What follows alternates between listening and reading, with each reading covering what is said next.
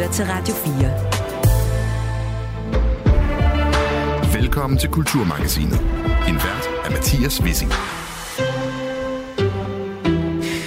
Han er en superstjerne i den amerikanske fodboldliga. Hun er vel sagtens verdens største popstjerne. Tilsammen er de lige nu USA's hotteste kendispar, og det selvom forholdet ikke engang er bekræftet endnu. Om lidt dykker jeg ned i, hvorfor de sociale medier går så meget amok over, at Taylor Swift og Travis Kelce måske er kærester. Peter Øvig, han er kendt for at skrive nuancerede portrætter af de hovedpersoner, som han zoomer ind på. Men i bogen Dem, der ikke tiger, om en række seksuelle overgreb begået mod danske børnehjemsbørn, der har forfatter Peter Øvig for første gang fremskrevet en sort-hvid helt og skurk. Hvilke etiske dilemmaer, der også gemmer sig i dokumentarstoffet, når man putter virkeligheden ind i en rammefortælling, det taler jeg med forfatteren om i Kulturmagasinet i dag. Og vi bliver faktisk lidt i gråzonen mellem drama og dokumentar. På torsdag kommer nemlig en ny bog om den såkaldte LSD-kælder under Frederiksberg Hospital i 60'erne, hvor læger i psykiatrien havde en fast tro på, at en kombination af stofferne Ritalin og LSD kunne kurere det syge sind. Mængden af LSD og metoden, de brugte, fik imidlertid alvorlige konsekvenser for de cirka 400 patienter, der medvirkede i forsøget, og siden har de mislykkede forsøg hængt som et spøgelse over forskningen på området. Det taler jeg med bogens forfatter og en klinisk forsker om senere i programmet. Og vi tager også en ekstra runde med fokus på mistrivsel. I fredags handlede det om at træde ud af hamsterhjulet, selvom Socialdemokraterne vil have os til at arbejde mere. Men temaet om mistrivsel har også fundet vej til klasselokalerne i en skoletræthedsvariant, hvor det handler om meget mere end lysten til at sove længe. Fænomenet skoleværing dækker over børn, der dropper skolen i længere perioder, og som mest af alt har karakter af et oprør i børnehøjde, fortæller en psykolog. Jeg hedder Mathias Wissing. Velkommen til Kulturmagasinet. Du lytter til Radio 4. Og vi starter altså udsendelsen i det kulørte hjørne. Nu skal det nemlig handle om USA's absolut hotteste romance. But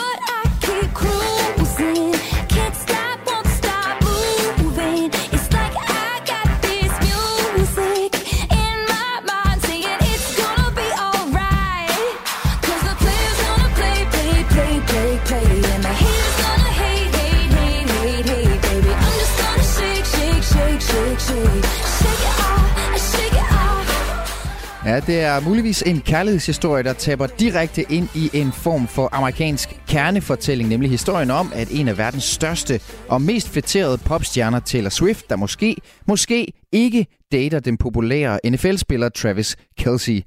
De to har endnu ikke forholdt sig offentligt til, om de er kærester eller venner, eller hvad de er, men både i går og sidste weekend stod Taylor Swift på tilskuerrækkerne med armen om Travis Kelseys mor, da hans hold Kansas City Chiefs spillede.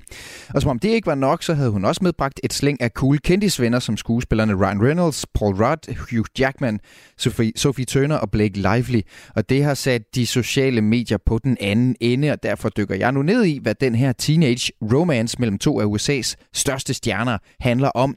Det gør jeg sammen med dig, Claus Elming, ejer af NFL-sitet gulklud.dk og ekspert på podcasten NFL-showet, og med på en telefonforbindelse fra Heathrow, fordi du faktisk var i London for at se NFL i går. Velkommen til Kulturmagasinet, Claus. Jamen, mange tak. Jeg sidder i Heathrow. Jeg får hjem her. Øh, der var NFL er jo øh, så ambitiøse, at de prøver på at lægge nogle chillende kampe i Europa. Og der er der fem stykker i år. Den første bestillet i går her i, øh, i London på ikoniske Wembley, hvor øh, Jacksonville Jaguars og Atlanta Falcons havde taget turen over Atlanten. Så altså og, en øh, del af hele udvidelsen af NFL-universet, større og større hele tiden. Det er jo det, de, det er jo det, de kan og vil være. Ja, præcis. Ja, og jeg har også øh, en, som ligesom... Øh, det, det, det er ligesom den gren, du er med på, Claus Elming. Du kender nemlig altid Travis Kelce, men jeg har også en øh, musikredaktør på Berlingske med på linjen, og det er dig, Nana Ballesløv. Tak for Velkommen det. til dig også. Tak.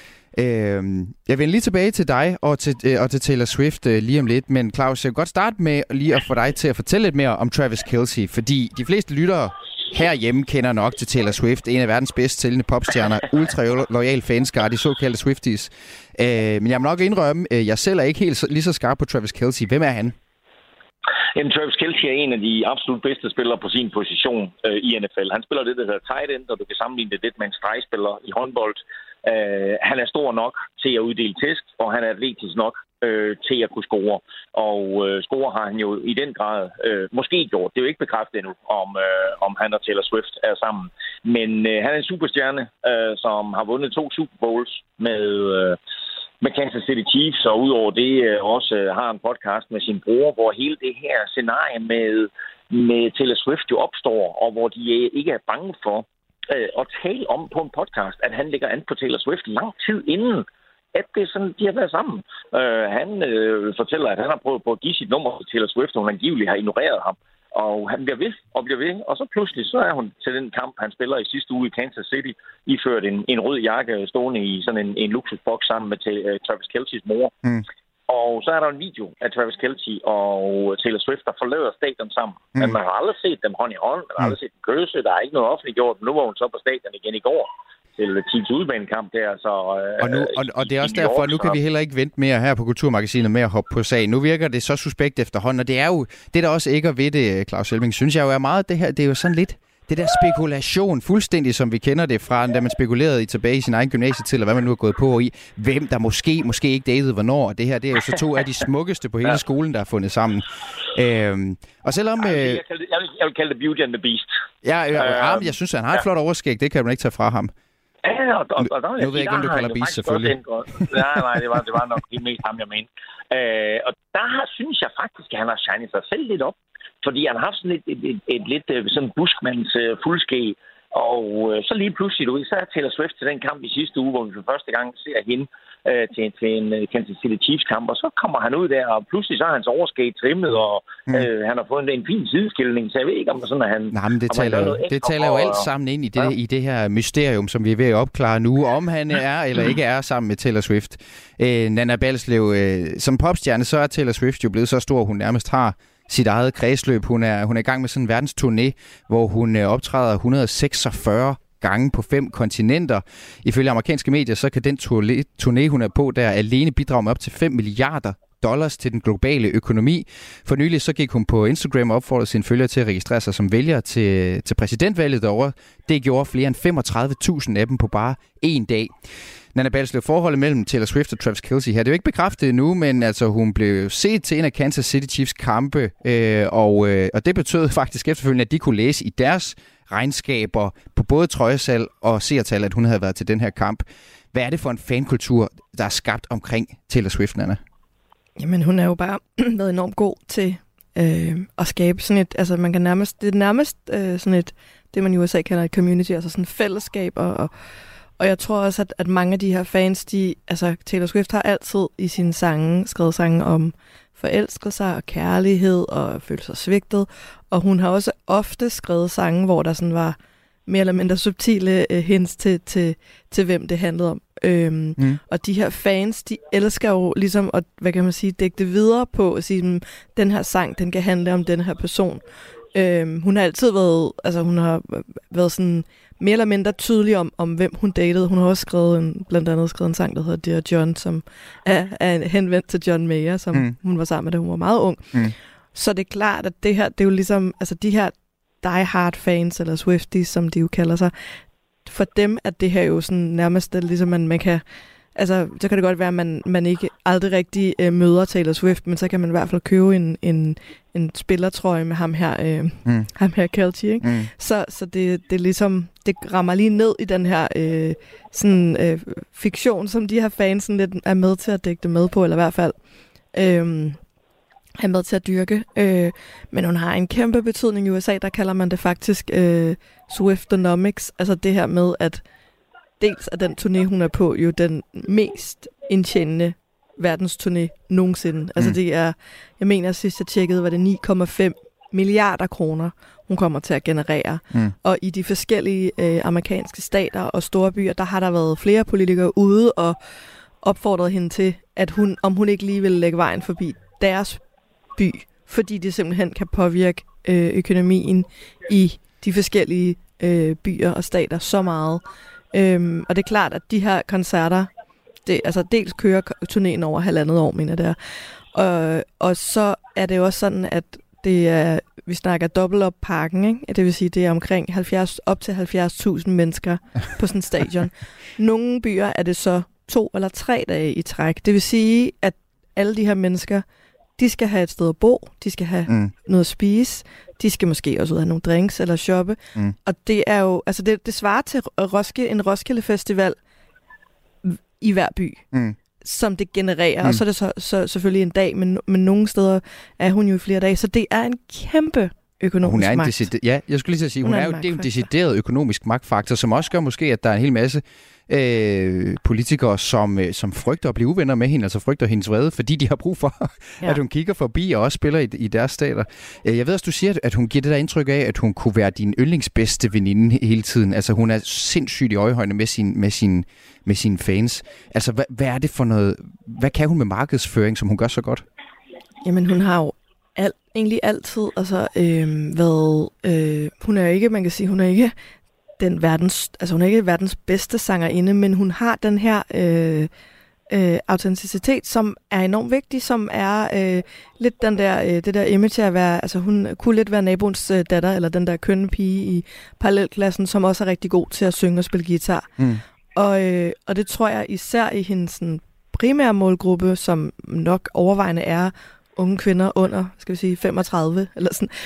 Og der er jo en hel generation, altså hun startede i 2006 med at udsende sit første album, så det vil sige, at der er faktisk en hel generation, der er vokset op med Taylor Swift, og med, med lyden af Taylor Swift. Mm.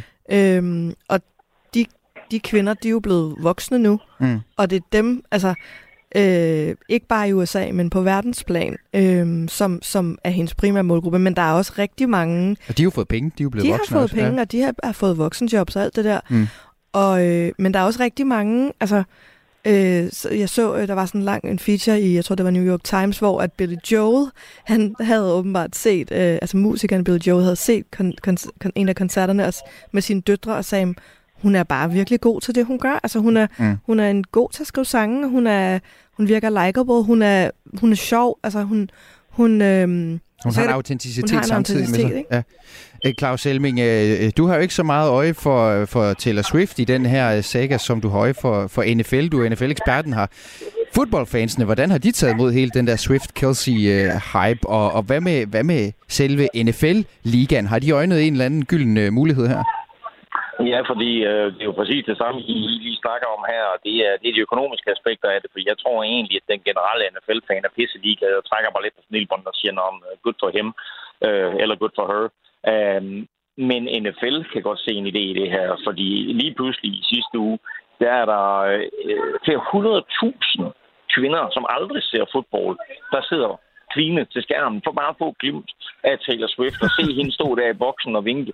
Og Mm. NFL kan også godt se øh, ideen i det her, fordi så kører de løs med deres, med deres kæmpe marketingsmaskine, og så kommer de ud til alle de her kvinder her, og så får de dem til at se øh, NFL-kampe og eksponere dem for reklamer der. De får dem måske til en dag at komme ud på stadion og hætte på Travis Kelce, og endnu bedre, så får de, til at købe, får de dem til at købe en, en øh, lyserød Travis Kelce-trøje. Så hele den her markedsføringsmaskine og hele den øh, potentielle millionindtægt, øh, som Taylor Swift genererer, uanset hvor hun kommer. Det lyder som et uhyggeligt stærkt våben, det her, Claus Elming. Altså Taylor Swift, Swiftono- Swiftonomics, de her købestærke kvinder og fan, uh, fangruppen, og så ligesom med NFL-marketings, uh, hvad kan man sige, maskineriet i, Ja, ja. øh, over, som, som, som ligesom kan lukrere på det. Ja, og jeg tror ikke, at altså, NFL øh, er bange for øh, bare at sige, hey, øh, her har vi en åbning, som vi ikke havde regnet med kom, og så kører de bare fuld skrue på den der, og så skal de nok finde en eller anden måde at komme ind og reklamere til de her piger på deres Instagram-profil, eller på deres Facebook-profil, eller TikTok, eller whatever. De skal nok få fat i dem her, så når sådan en, en mulighed åbner sig, som, som der er gjort her, så øh, ser NFL altså også en forretningsmulighed, og den udnytter de stenhårdt, så, så for, for NFL som forretning, som dem, der ligesom sidder og styrer det her imperium, der skal man lægge mærke til, altså NFL som forretning er den største professionelle liga i verden, og havde du, betragter du NFL som en virksomhed, så er den i Forbes 500. Mm. Så det her det er en kæmpe virksomhed, så når de ser en markedsmulighed, når de ser en forretningsmulighed, så går de benhårdt efter det her nye marked. Jeg sidder som sagt i London. Det gør jeg, fordi NFL prøver på at udvide deres marked til Europa. Mm. Nu her, der kan de pludselig udvide det på hjemmefronten til en stribe kvinder. Ja, nu siger jeg stribe, vi snakker flere hundrede tusind kvinder, som de ikke havde mulighed for at udvide til før i tiden. Vi snakker kvinder, som ikke, ikke aner, hvad reglerne er i amerikansk fodbold, men som bare vil sidde og se det, og måske købe en trøje. Og så får de blod på tanden, NFL der. der. Nana, øh, noget af det, jeg godt kan lide ved den her historie, det er jo, at der er sådan noget ærke-amerikansk fortælling i det. Altså den populære sportsmand og den smukke popstjerne. Det kunne være sådan lidt uh, high school musical-agtigt for verdensstjerner. Ja. Altså tror du også, der er noget her, der er med til at hype historien om, om de to? Ja, det er da totalt øh, sådan lige øh, efter bogen, sådan øh, øh, high school øh, fortælling, ikke? Altså det er jo sådan, det, det kunne nærmest ikke være, øh, være, være, være lavet bedre i en Hollywood-film, det her med, at så er der den her smukke popstjerne, som er enormt stor inden for det, hun laver, og så er der den her øh, NFL øh, honk, du ved, øh, mm. athlete, ikke? Så, så... Det manglede bare, at han var quarterback. Det fandt vi ud, det var han ikke, men Nej, det kunne han godt have været. Han, han var tight end. Det er måske endnu sejere på, på ja. en eller anden måde. Men, og så, men så også det der, jeg så, jeg så et klip, hvor at man ligesom kan se Travis Kelce, han står nede på banen, og så kigger han op i, øh, i logen, der hvor han spotter Taylor Swift, og hans venner ser også, at hun sidder der, og de siger sådan, er det virkelig hende? Altså, det, det er jo nærmest som om, det er taget ud af en film, det der. Det er totalt, og det tror jeg også er en del af derfor, altså grunden til, at det får så meget opmærksomhed, fordi der var formentlig, altså der er, for, eller der er mange flere, der ved, hvem Taylor Swift er end Travis Kelce, men det kan jo være med til at, altså det er jo, der sidder jo helt klart, som, som Claus siger, nogle, nogle, nogle marketingfolk i, i, fra det her hold, og bare sådan tænker, yes, fordi at det er jo eksponering, man ikke kan købe for penge. Altså, det en... Og det er, og det, er jo, det viser jo på en eller anden måde også, hvorfor det er, at vi går så meget, eller der er så mange, der går så meget i sport, fordi det handler om alt muligt. Altså, det er følelser, og, og det her med, man sådan, åh, er der, var der et lille smil? Og altså, alle de her, især Taylor Swift-fans, hmm. de æder det jo råt, fordi det er jo, det er jo også sådan lidt, når man kommer næste album, er der så en sang, der handler om ham. ja, kommer og sådan, sådan en sang om Travis Kelce, det er jo, Og det er jo en del af det, så det er jo virkelig... Øhm, øh, øh, hvad kan man sige? Altså, han går jo fra at være et, et rigtig stort navn i, i NFL, og et stort sportsnavn til at være, altså han bliver jo sådan A-list celeb, mm. ham her. Det er en deadly combo, Kelsey. det her Kelsey ja. NFL og så Taylor Swift. Nana Balslev, musikredaktør på Berlingse. Tak fordi du var med i Kulturmagasinet. Det var så let. Og det siger også til dig, øh, Claus Elming fra Heathrow sted, ejer af NFL-sitet Gul Klud.dk og ekspert på podcasten NFL Show. Tak fordi du var med. Det var en fornøjelse. Hvis du, øh, der lytter med, vil nå til bunds i den her fankultur omkring Taylor Swift, så skal du gå derhen, hvor du normalt finder din podcast og finde programmet Only in America fra den 22. juni, hvor altså Mirko Reimer Elster og Frederik Stirk Gottlieb, de vender hver en sten i fortællingen om, hvordan Taylor Swift blev verdens største popstjerne. Du lytter til Radio 4. Når man sidder med øh, Peter Øvigs nyeste dokumentariske bog, Dem, der ikke tiger, sidder man med fornemmelsen af at holde en af de mørkeste fortællinger fra Danmarks historien i hænderne. Men hvordan fremstiller man egentlig en fortælling om seksuelle overgreb på danske børnehjemsbørn på en måde, så der er plads til nuancerne i de virkelige personer, man beskriver, og er der i virkeligheden historie fra virkeligheden, der er så grumme, at de ikke kalder på nuancer. Peter Øvig, velkommen til øh, Kulturmagasinet. Tak skal du have. Vi kender dig som øh, dokumentarist og forfatter bag bøger som Blikkingadebanden og Hippie og Bisset. Du har ikke en chance. Tag den. Dem, der ikke siger, det er det nyeste bog, den udkom i fredags, og det er jo så en, en gruopvækkende beretning, må man sige, om en lang række seksuelle overgreb, der blev begået mod børn på danske børnehjem gennem årtier. Og så er det også en fortælling om en skurk og en held. Peter Øby, hvad var din tanke bag at strikke sådan en rammefortælling sammen med en så tydelig skurk og helt i den her ellers dokumentariske bog? Altså, jeg har ikke skruet den sammen, så den havde en meget entydig skurk og en entydig held.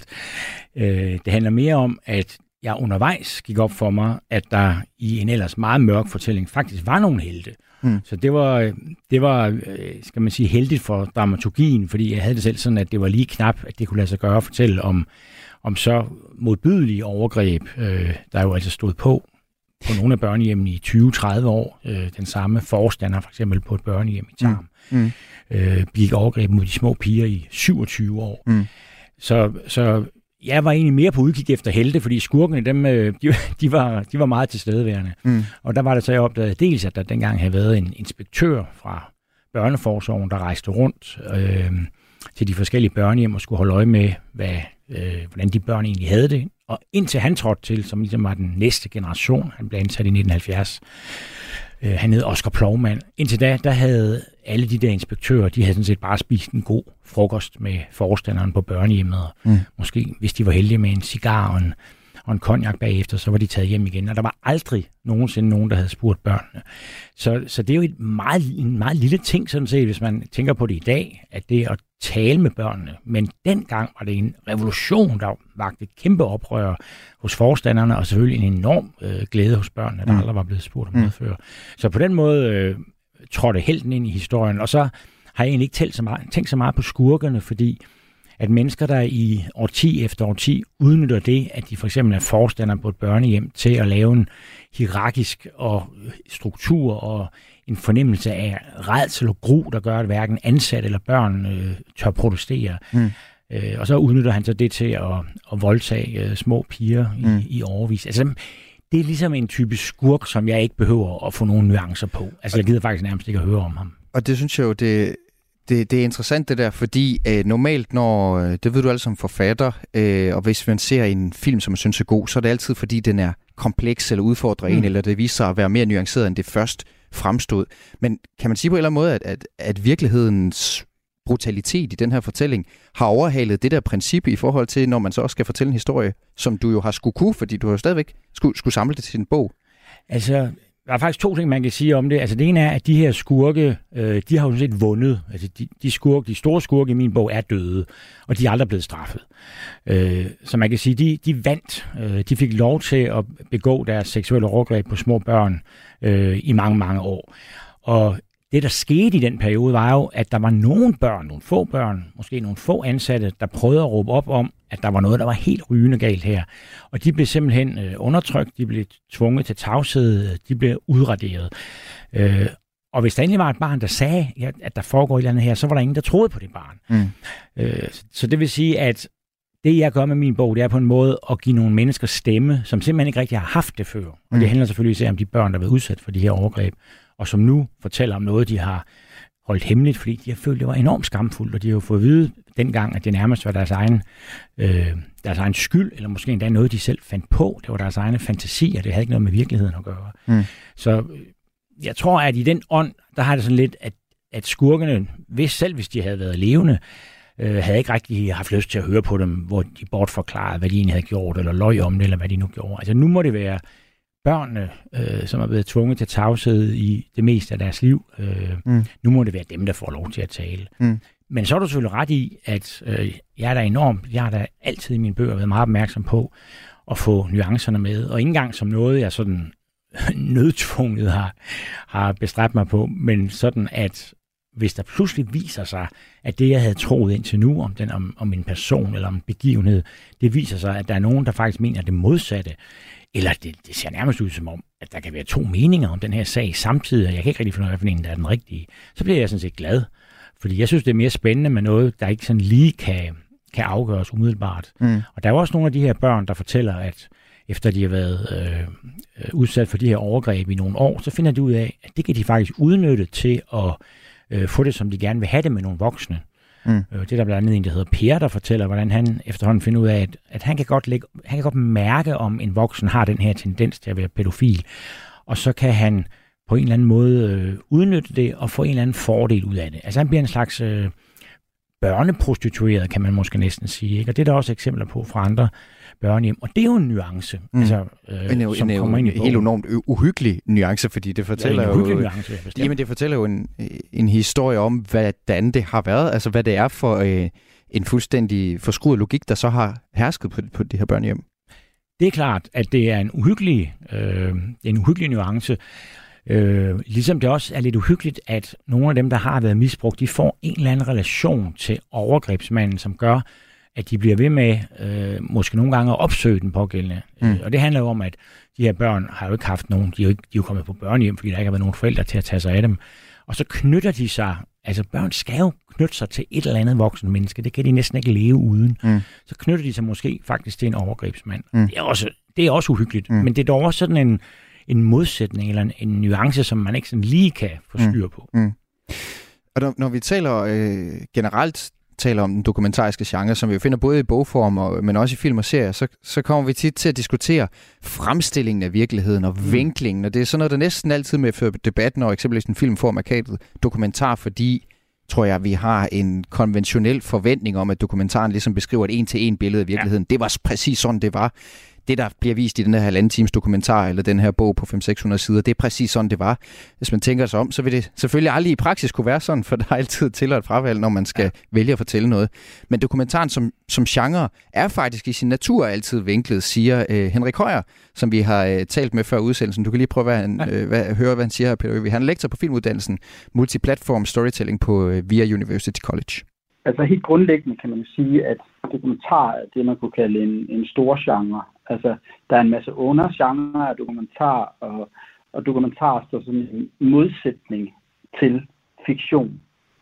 Og det, der definerer dokumentar, det er på en eller anden måde, at der er en kontrakt, når du ser dokumentar, om, at det, der afbildes, det er virkeligt. Det findes øh, uafhængigt af det, at der bliver filmet. Det er noget, der var der, selvom der ikke blev filmet. Det er noget, der er der efter, øh, der er blevet filmet. Det er altså virkelighed. Og det er sådan den helt grundlæggende kontrakt, der er ved øh, dokumentar. Når det er sagt, så øh, er der så mange paradoxer og problemer med den, med den hvad hedder det, definition, at, øh, at, at man lynhurtigt kan bevæge sig ud i nogle, øh, i nogle modsætninger og nogle, i, i den mudder af, af, af, hvad hedder det, modsigelser. Altså grunden til, at vi lander i alle de her modsætninger, paradoxer, når vi taler om dokumentar, det er jo, at, at hver gang vi stiller et kamera op, så vælger vi et særligt blik på verden, en særlig synsvinkel, og vi fravælger en række andre synsvinkler. Så allerede der er der truffet et valg om, øh, hvad det er for, hvorfra vi gerne vil se virkeligheden. Og så er vi allerede ude over, hvad skal man sige, den objektive virkelighed, øh, som i hvert fald nogen vil sige, øh, eller nogle typer øh, dokumentarer aspirerer efter. Øh, sådan er det ikke så meget længere, fordi rigtig mange er, er eller alle er med på, at, at den, den der objektivitet øh, i sin ultimative form, den jo ikke eksisterer. Så, så, så rigtig mange omfavner egentlig det, at, at dokumentaren, at virkeligheden altid øh, ses et sted fra, og derfor også tager farve af, hvem det er, der, hvem det er, der laver filmen. Og derfor låner dokumentaren jo også, øh, og det er man jo også voldsomt opmærksom på, rigtig mange fiktionsgreb, fordi når du laver en dokumentar, så fortæller du typisk også en historie. Ja, det sagde altså Henrik Højer, som er lektor på, på filmuddannelsen her. Peter Øvig, kan du, kan du genkende det her med at vil være dokumentarist, men vil øh, ligesom være tvunget til at låne nogle, nogle greb fra, fra fiktionen for at få fortællingen skubbet ud over rampen? Det er klart, at man benytter også, når man skriver en bog, så benytter man noget grundlæggende fortællestrategi øh, og dramaturgi, og noget af det har vi dokumentarister selvfølgelig til fælles med dem, der skriver skønlitteratur. Øh, det er helt rigtigt. Jeg synes egentlig, at der er et, et, et problem, der ligger dybere ned i samme, i samme, måske i skuffen længere ned, og det er, at jeg baserer mig jo på, hvad folk fortæller mig. Og jeg opdagede for nogle år siden, at eller det var meget tydeligt for mig, at jeg havde altid meget store konflikter, når jeg udgav en ny bog, med nogle af dem, der var med i bogen, eller nogen, som i hvert fald også havde været med i de begivenheder, jeg beskrev i bogen. Og de var meget uenige i den måde, jeg nu havde fremstillet sagen på. Altså, de synes faktisk, det hele var foregået på en helt anden måde. Øh, Selvom de var din vidnes Selvom de faktisk enten optrådte i bogen, eller, eller havde øjenvidner til begivenhederne, så gik det jo op for mig. Øh, jeg skrev en lille bog, der hedder Nakkeskud, som handler om det der med, hvorfor hvorfor er folk så uenige om, hvad der faktisk er foregået? Og så viser det sig jo, at det er jo simpelthen fordi, at vi baserer jo øh, det, vi fortæller, på vores egen hukommelse. Og den hukommelse, den er ikke objektiv. Øh, det, det er der også noget forskning, jeg så senere har læst, der viser. Men jeg fandt ud af det ved, at, at der jo simpelthen var mennesker, der havde været til stede i det samme rum, som fortalte det præcis modsatte om, hvad der var foregået. Mm. Og det har vi altså hele tiden grunde til, især hvis det er noget, der har været meget vigtigt for os, altså en central begivenhed i vores liv. Og jeg har altså tit beskæftiget mig med oprørsbevægelser, for eksempel det er, når vi er unge, vi laver oprør, og det er tit noget, der er med til at danne vores identitet. Og vi vil gerne have en god, dejlig identitet. Vi vil gerne huske, at vi var sådan lidt øh, idealistiske, lidt helteagtige, søde, kærlige mennesker, da vi var yngre. Ja, som man også, når vi bliver ældre. Og det vil sige, at vi nogle gange lige får redigeret, jeg har oplevet det, opdaget det hos mig selv også, at vi får lige redigeret vores hukommelse lidt, så vi fremstår en lille smule mere attraktive, end vi måske var mm. i virkeligheden. Og nogle mennesker kan faktisk, og det har jeg oplevet helt konkret, få lavet sig selv om fra sort til hvid. Altså jeg har oplevet øh, en kvinde for eksempel, som øh, mente, hun havde været frihedskæmper under besættelsen og var blevet uretfærdigt og uskyldigt dømt bagefter. Hun viste sig at have været elskerinde og øh, medhjælper for den værste torturbødel, vi har haft i Danmark. Hun rendte simpelthen rundt og lukkede de unge frihedskæmper ud af deres huler, og så fik hun øh, sendt dem ind til torturbødlen. Mm. Altså, så hun er lyk, og jeg tror, altså, det jeg fandt ud af, var, at hun troede selv på, at hun havde været frihedskæmper. Mm. Hun ville ikke indse, at hun faktisk havde været, altså, den værste udgave af landsforræder, mm. man overhovedet kan forestille mm. sig. Så når hun kan lave sin historie om fra sort til hvid, så kan vi alle sammen lige og hvordan, Hvordan, hvordan øh, her til sidst, Peter Øvig, er du så på vagt over for den slags kilder, som vi jo alle sammen har, øh, kan være, altså den slags kilder, hvor vi vores hukommelse spiller os et pus. Når, når du så strækker historier sammen, eller, eller skaber dokumentariske øh, bøger, som, som den her, øh, dem der ikke tiger, øh, altså, så, så er du så ekstra opmærksom på, hvad det er, du får fortalt, og om det står i et særligt lys eller ej, fordi at det nemlig er så ømtåligt materiale, vi har med at gøre? Det er klart, at jeg får efterhånden en vis erfaring i at have en fornemmelse for, hvornår er folk i gang med at digte en historie for at fremstå lidt kønnere, end de måske virkelig var i den situation. Men man kan jo ikke altid vide det, så må man prøve at samle så mange vidneudsagn sammen, øh, man, kan, man kan skaffe. Og så er det jo mig, der beslutter, hvad tror jeg mest på her.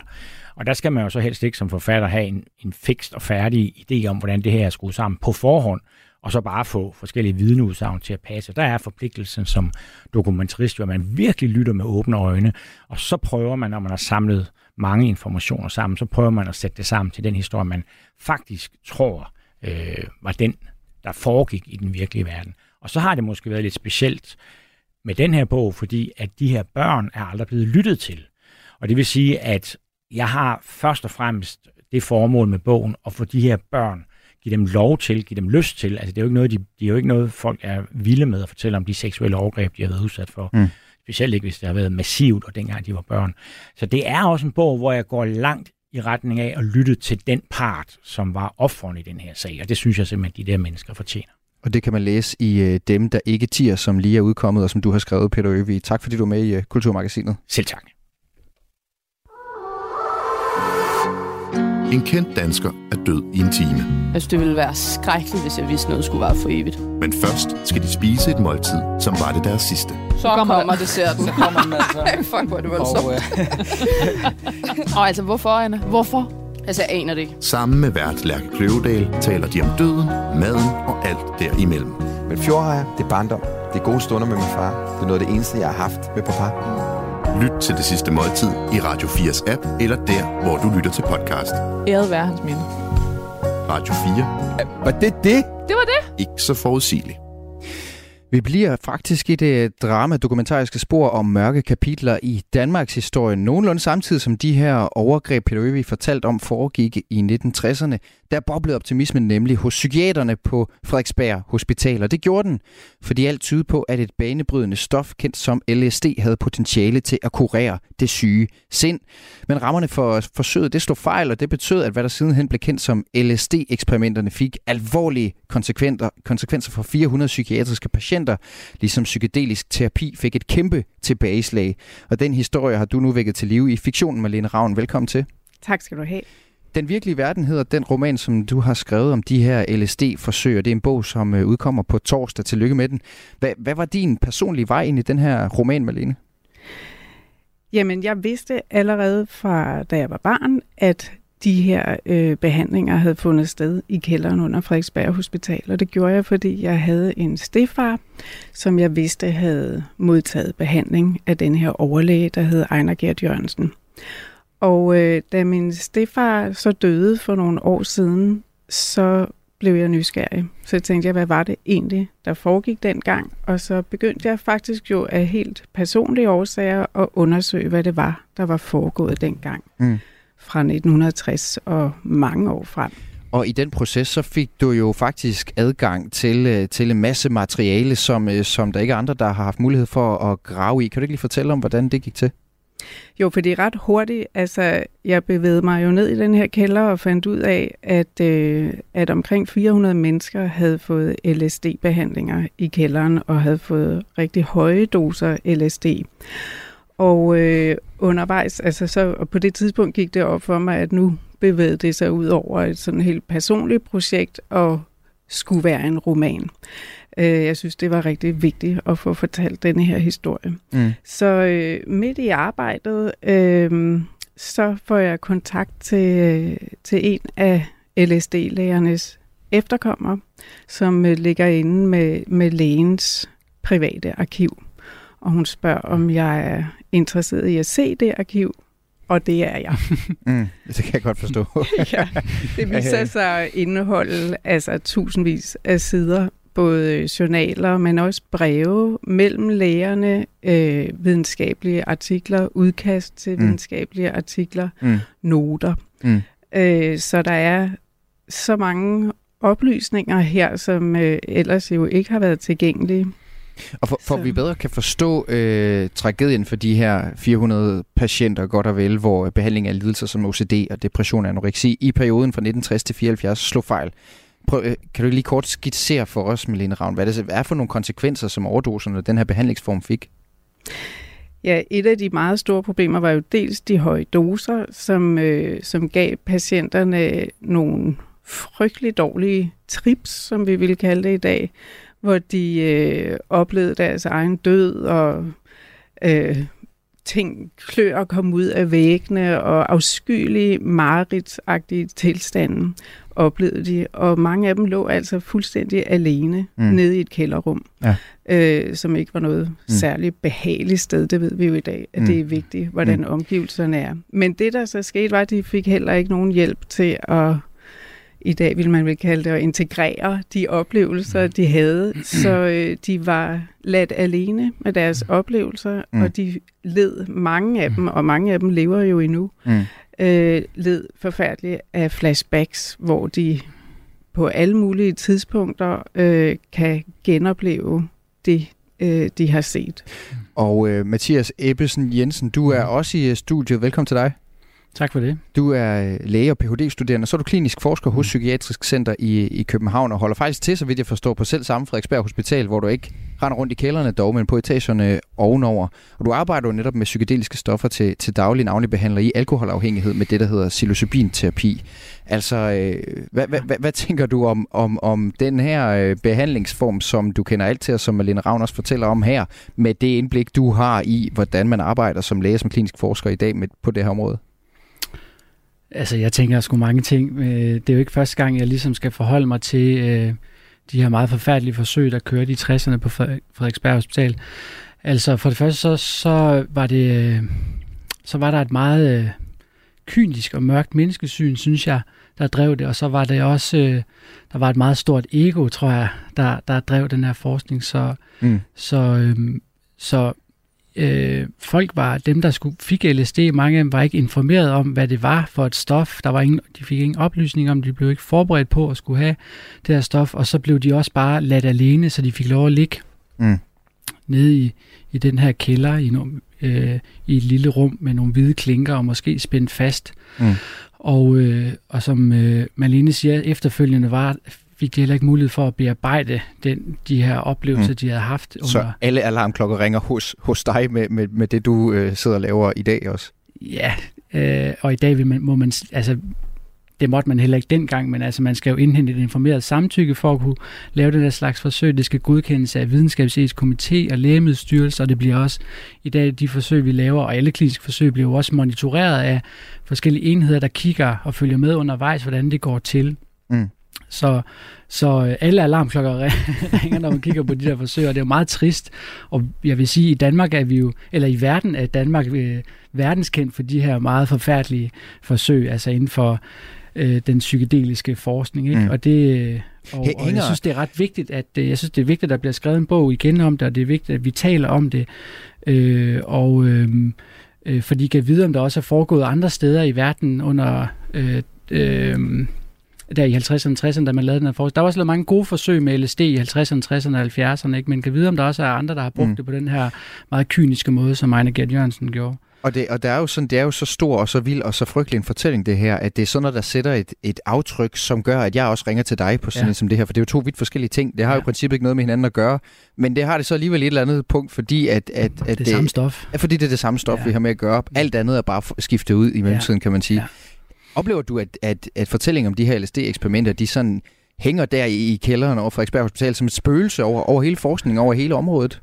Nej, det, det gør jeg faktisk overhovedet ikke. Altså, det er ikke særlig tit... Øh, øh, det, øh, de fleste henvendelser, jeg får fra øh, medier og journalister, der er, det, der er det med en optimisme og en positiv vinkel på den forskning, der har pågået de sidste 20 år, som viser en del lovende resultater, ikke? og som er foregået under nogle... Øh, ordentlige forhold, ikke? hvor vi kan se, at, at man øh, muligvis kan bruge de her stoffer sammen med terapi til at behandle mm. øh, eventuelt en, øh, en alkoholafhængighed, måske mm. en depression. Mm. Øhm, så det er ikke særlig tit, jeg alligevel bliver spurgt om de her, øh, om, om det, der foregik der på Frederiksberg. Jeg synes ikke rigtigt, det på den måde spørger. Øhm, men det er sjovt, du nævner optimismen, fordi det er ja. faktisk også noget det, du skriver om i, i bogen med Lene Ravn. Du, du beskriver jo øh, allerede i starten, hvordan at der er sådan en, der bobler en optimisme omkring troen på LSD som behandling der ja. i starten af, af 60'erne. Det skaber sådan en lidt uhyggelig motor i romanen, for alle ved jo, hvor galt det så gik ja. med de der eksperimenter, selvom lægerne havde en tro på fremtiden. Men øh, hvorfor var det vigtigt for dig at så den der optimisme med, da du skrev bogen med Lene Ravn? Jamen det var jo for, fordi jeg har interesseret mig ikke så meget for, at lægerne var skurke, men mere for, hvordan kunne det her lade sig gøre? Fordi det var meget, meget overvældende at finde ud af, at 400 mennesker faktisk havde lidt skade her øh, under den behandling, og at det stod på i så mange år. Så jeg begyndte at interessere mig for, hvorfor lægerne kunne blive ved med noget, der faktisk, når man ser på det nu, ser ud som om det gik galt fra starten. Mm. mm. Og en af de grunde er jo den optimisme. Øh, for mm, der var en stor fremtid, fremtidstro på det tidspunkt, og øh, jeg tror vidderligt oprigtigt, at de troede på det. Mm. Øh, medierne gik jo også med dem. Øh, der var den ene overskrift efter den anden. Mm. Ny, fantastisk kur. Øh, mm. øh, øh, altså, alle var overbevist om, at det her virkede. De blev jo også opsøgt af patienter. Der var forældre, der kom med deres 11-årige barn og bad om behandling. Mm. Så der var en bølge af optimisme, og det synes jeg også øh, var vigtigt at få med i romanen. Øhm, fordi den tro er svær at få øje på, eller svær at mærke i dag. Det er svært at forstå for, i hvert fald, ja, med, med det vi ellers ved.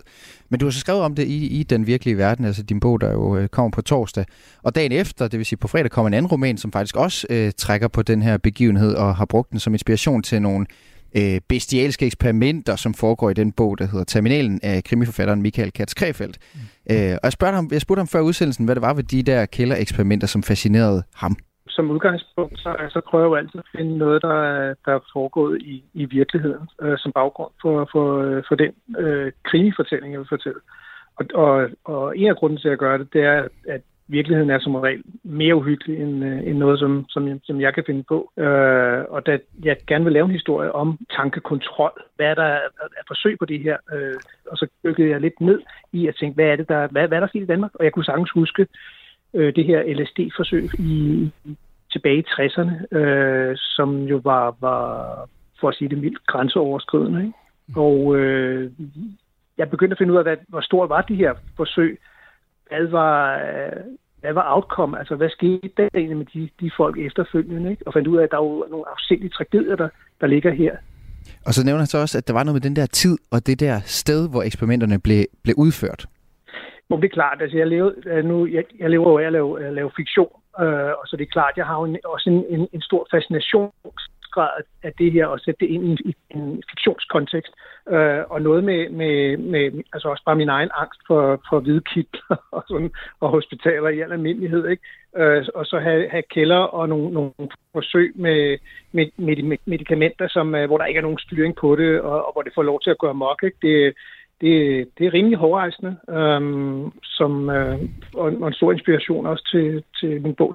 Ja, men lidt Ravn, han siger, det, er, det er rimelig hårdrejsende, og det vil jeg give ham ret i. Altså er der bare en eller anden kombination af sådan nogle troper og figurer og billeder i sproget, som bare gør, at det her det er simpelthen øh, stof, som, som, som er umuligt ikke at fortælle om, og som, som du så har gjort, øh, skrevet, øh, bygget en roman ovenpå?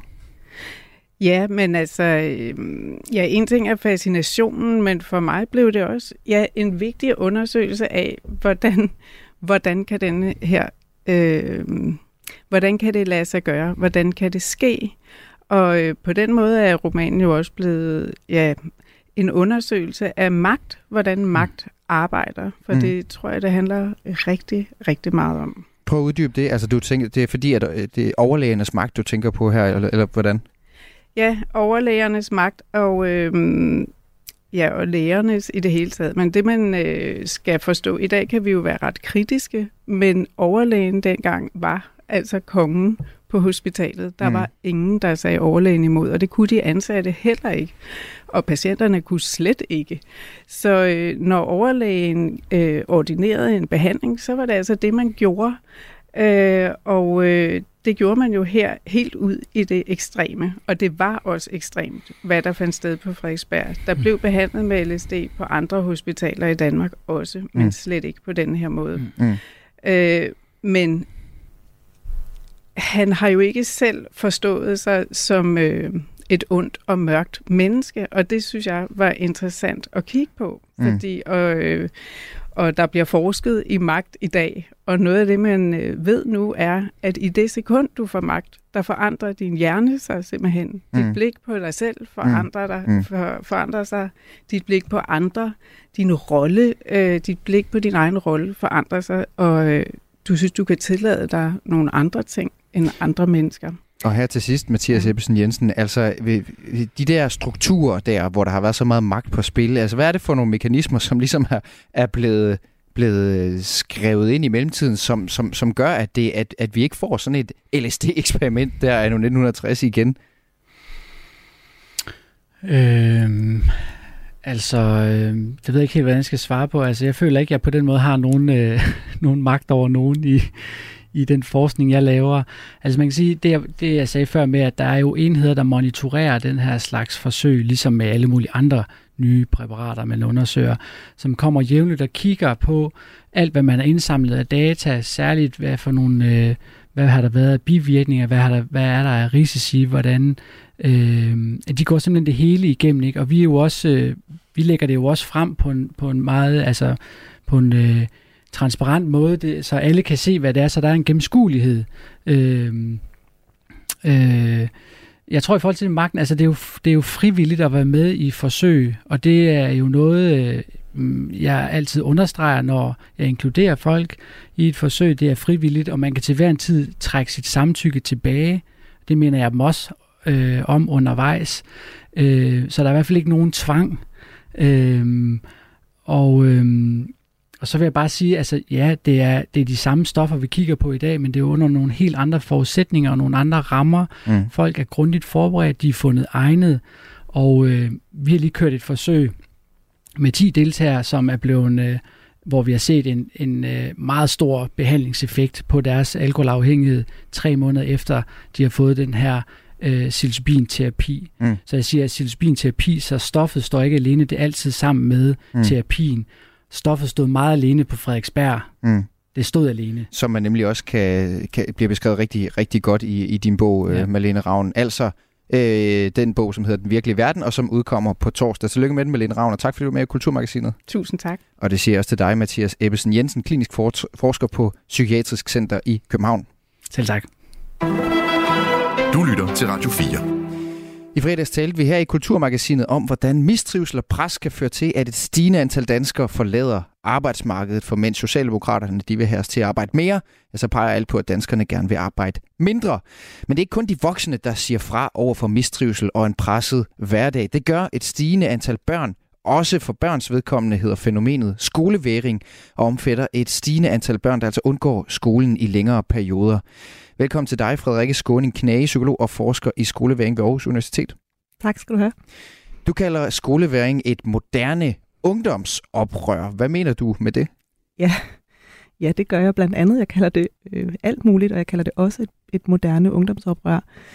Altså det, jeg mener med det, det er, at, øh, at det kan betragtes som et oprør på lige fod med alle mulige andre former for oprør, som vi har set gennem tiden, og som vi også ser nu, øh, samtidig med, at det også er et, øh, et mistrivselsfænomen eller et mistrivselsproblem. Mm. Mm. Og, og øh, alle forældre med børn i skolealderen kan jo nok godt genkende det der med, med trætte børn, der nogle gange ikke vil i skole. Men det er jo ikke det, vi snakker om her. Prøv lige at forklare os, hvordan skoleværing det adskiller sig fra den der øh, skoletræthed, eller hvad man kan sige, som, som skolebørn til alle tider har haft. Hvorfor, hvordan ser du, der er noget andet på spil her? Altså, ja, jeg tænker faktisk, det er en rigtig, rigtig, rigtig vigtig skældning at lave, at det her, det ikke altså det, vi kunne kalde skoletræthed. Det her, det er ikke børn, som fra den ene dag til den anden ikke vil i skole. Det her, det er ikke børn, som, kan man sige, øh, vågner en morgen, og så tænker de, ah, det, jeg gider ikke lige skole i dag. Altså Mm. det her, det er børn, som i høj grad mistrives, og det er børn, som føler sig ekstremt udmattede, og det er børn, der er ked af det, og det er børn, der... Altså, jeg har talt med børn, hvis kroppe fysisk kollapser om morgenen. Øhm, mm. Så jeg tænker, at det her det er et fænomen, og, og kan man sige, det vil jeg også gerne understrege, samtidig med at jeg vil understrege det som et oprør. Det her det er også et, altså helt klart et mistrivselsfænomen, mm. øhm, som vi skal tage alvorligt. Mm. Og, og, men, men for at vende tilbage til de her oprør, nu er med på, det er ikke det eneste, det er, men det, det kan det også være. Så er det jo normalt noget, vi forbinder med grupper, der demonstrerer, eller råber højt, eller mm. tager nogle skilte, eller går på gaden, eller et eller andet. Men ved skoleværing, der er handlingen jo netop, at man, at man, at man ikke møder op. Altså, det er også noget, der foregår i det skjulte, som er svært at få øje på på den måde. Altså, øh, hvor bevidst er det oprør fra børnenes side? Hvor meget er det en, en strømning, en bølge, og hvor meget er det ligesom bare et, hvad kan man sige, jeg har lyst til at sige, det er meget mere tragisk, hvis det ikke er et klassisk oprør, yeah. men mere er noget, der, der, der, der bliver den, den enkelte elevs eget, hvad kan man sige... Øh... I det rammer individuelt, kan man sige. Ja, præcis. Ja. Jamen altså, mm, det man kan sige, det er, at altså, på en eller anden måde må man, må man stille sig selv spørgsmålet, hvad er et oprør?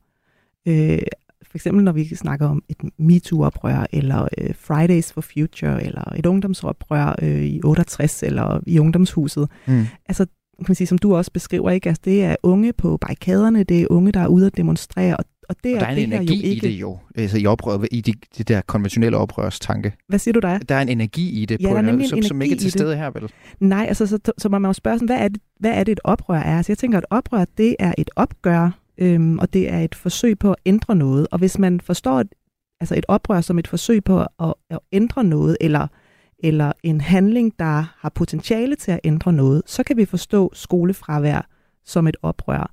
Men det er rigtigt, det har ikke det der klassiske mm. oprørsudtryk. Mm. Øh, og det, det tænker jeg også er rigtig, rigtig vigtigt at understrege, at det er ikke et klassisk ungdomsoprør, men ikke desto mindre har det potentialet til at ændre, mm. øh, ændre noget på samme, i samme grad som, som det, vi genkender som et klassisk ungdomsoprør. Vi, vi ser i hvert fald nogle børn, der formår at jo ikke bevidst, men som, som ikke desto mindre formår at få nogle voksne, nogle lærere, nogle forskere som mig selv, mm. nogle altså skolefolk, øh, politikere mm. op af stolene og diskutere, hvad er det, vi vil med den her skole.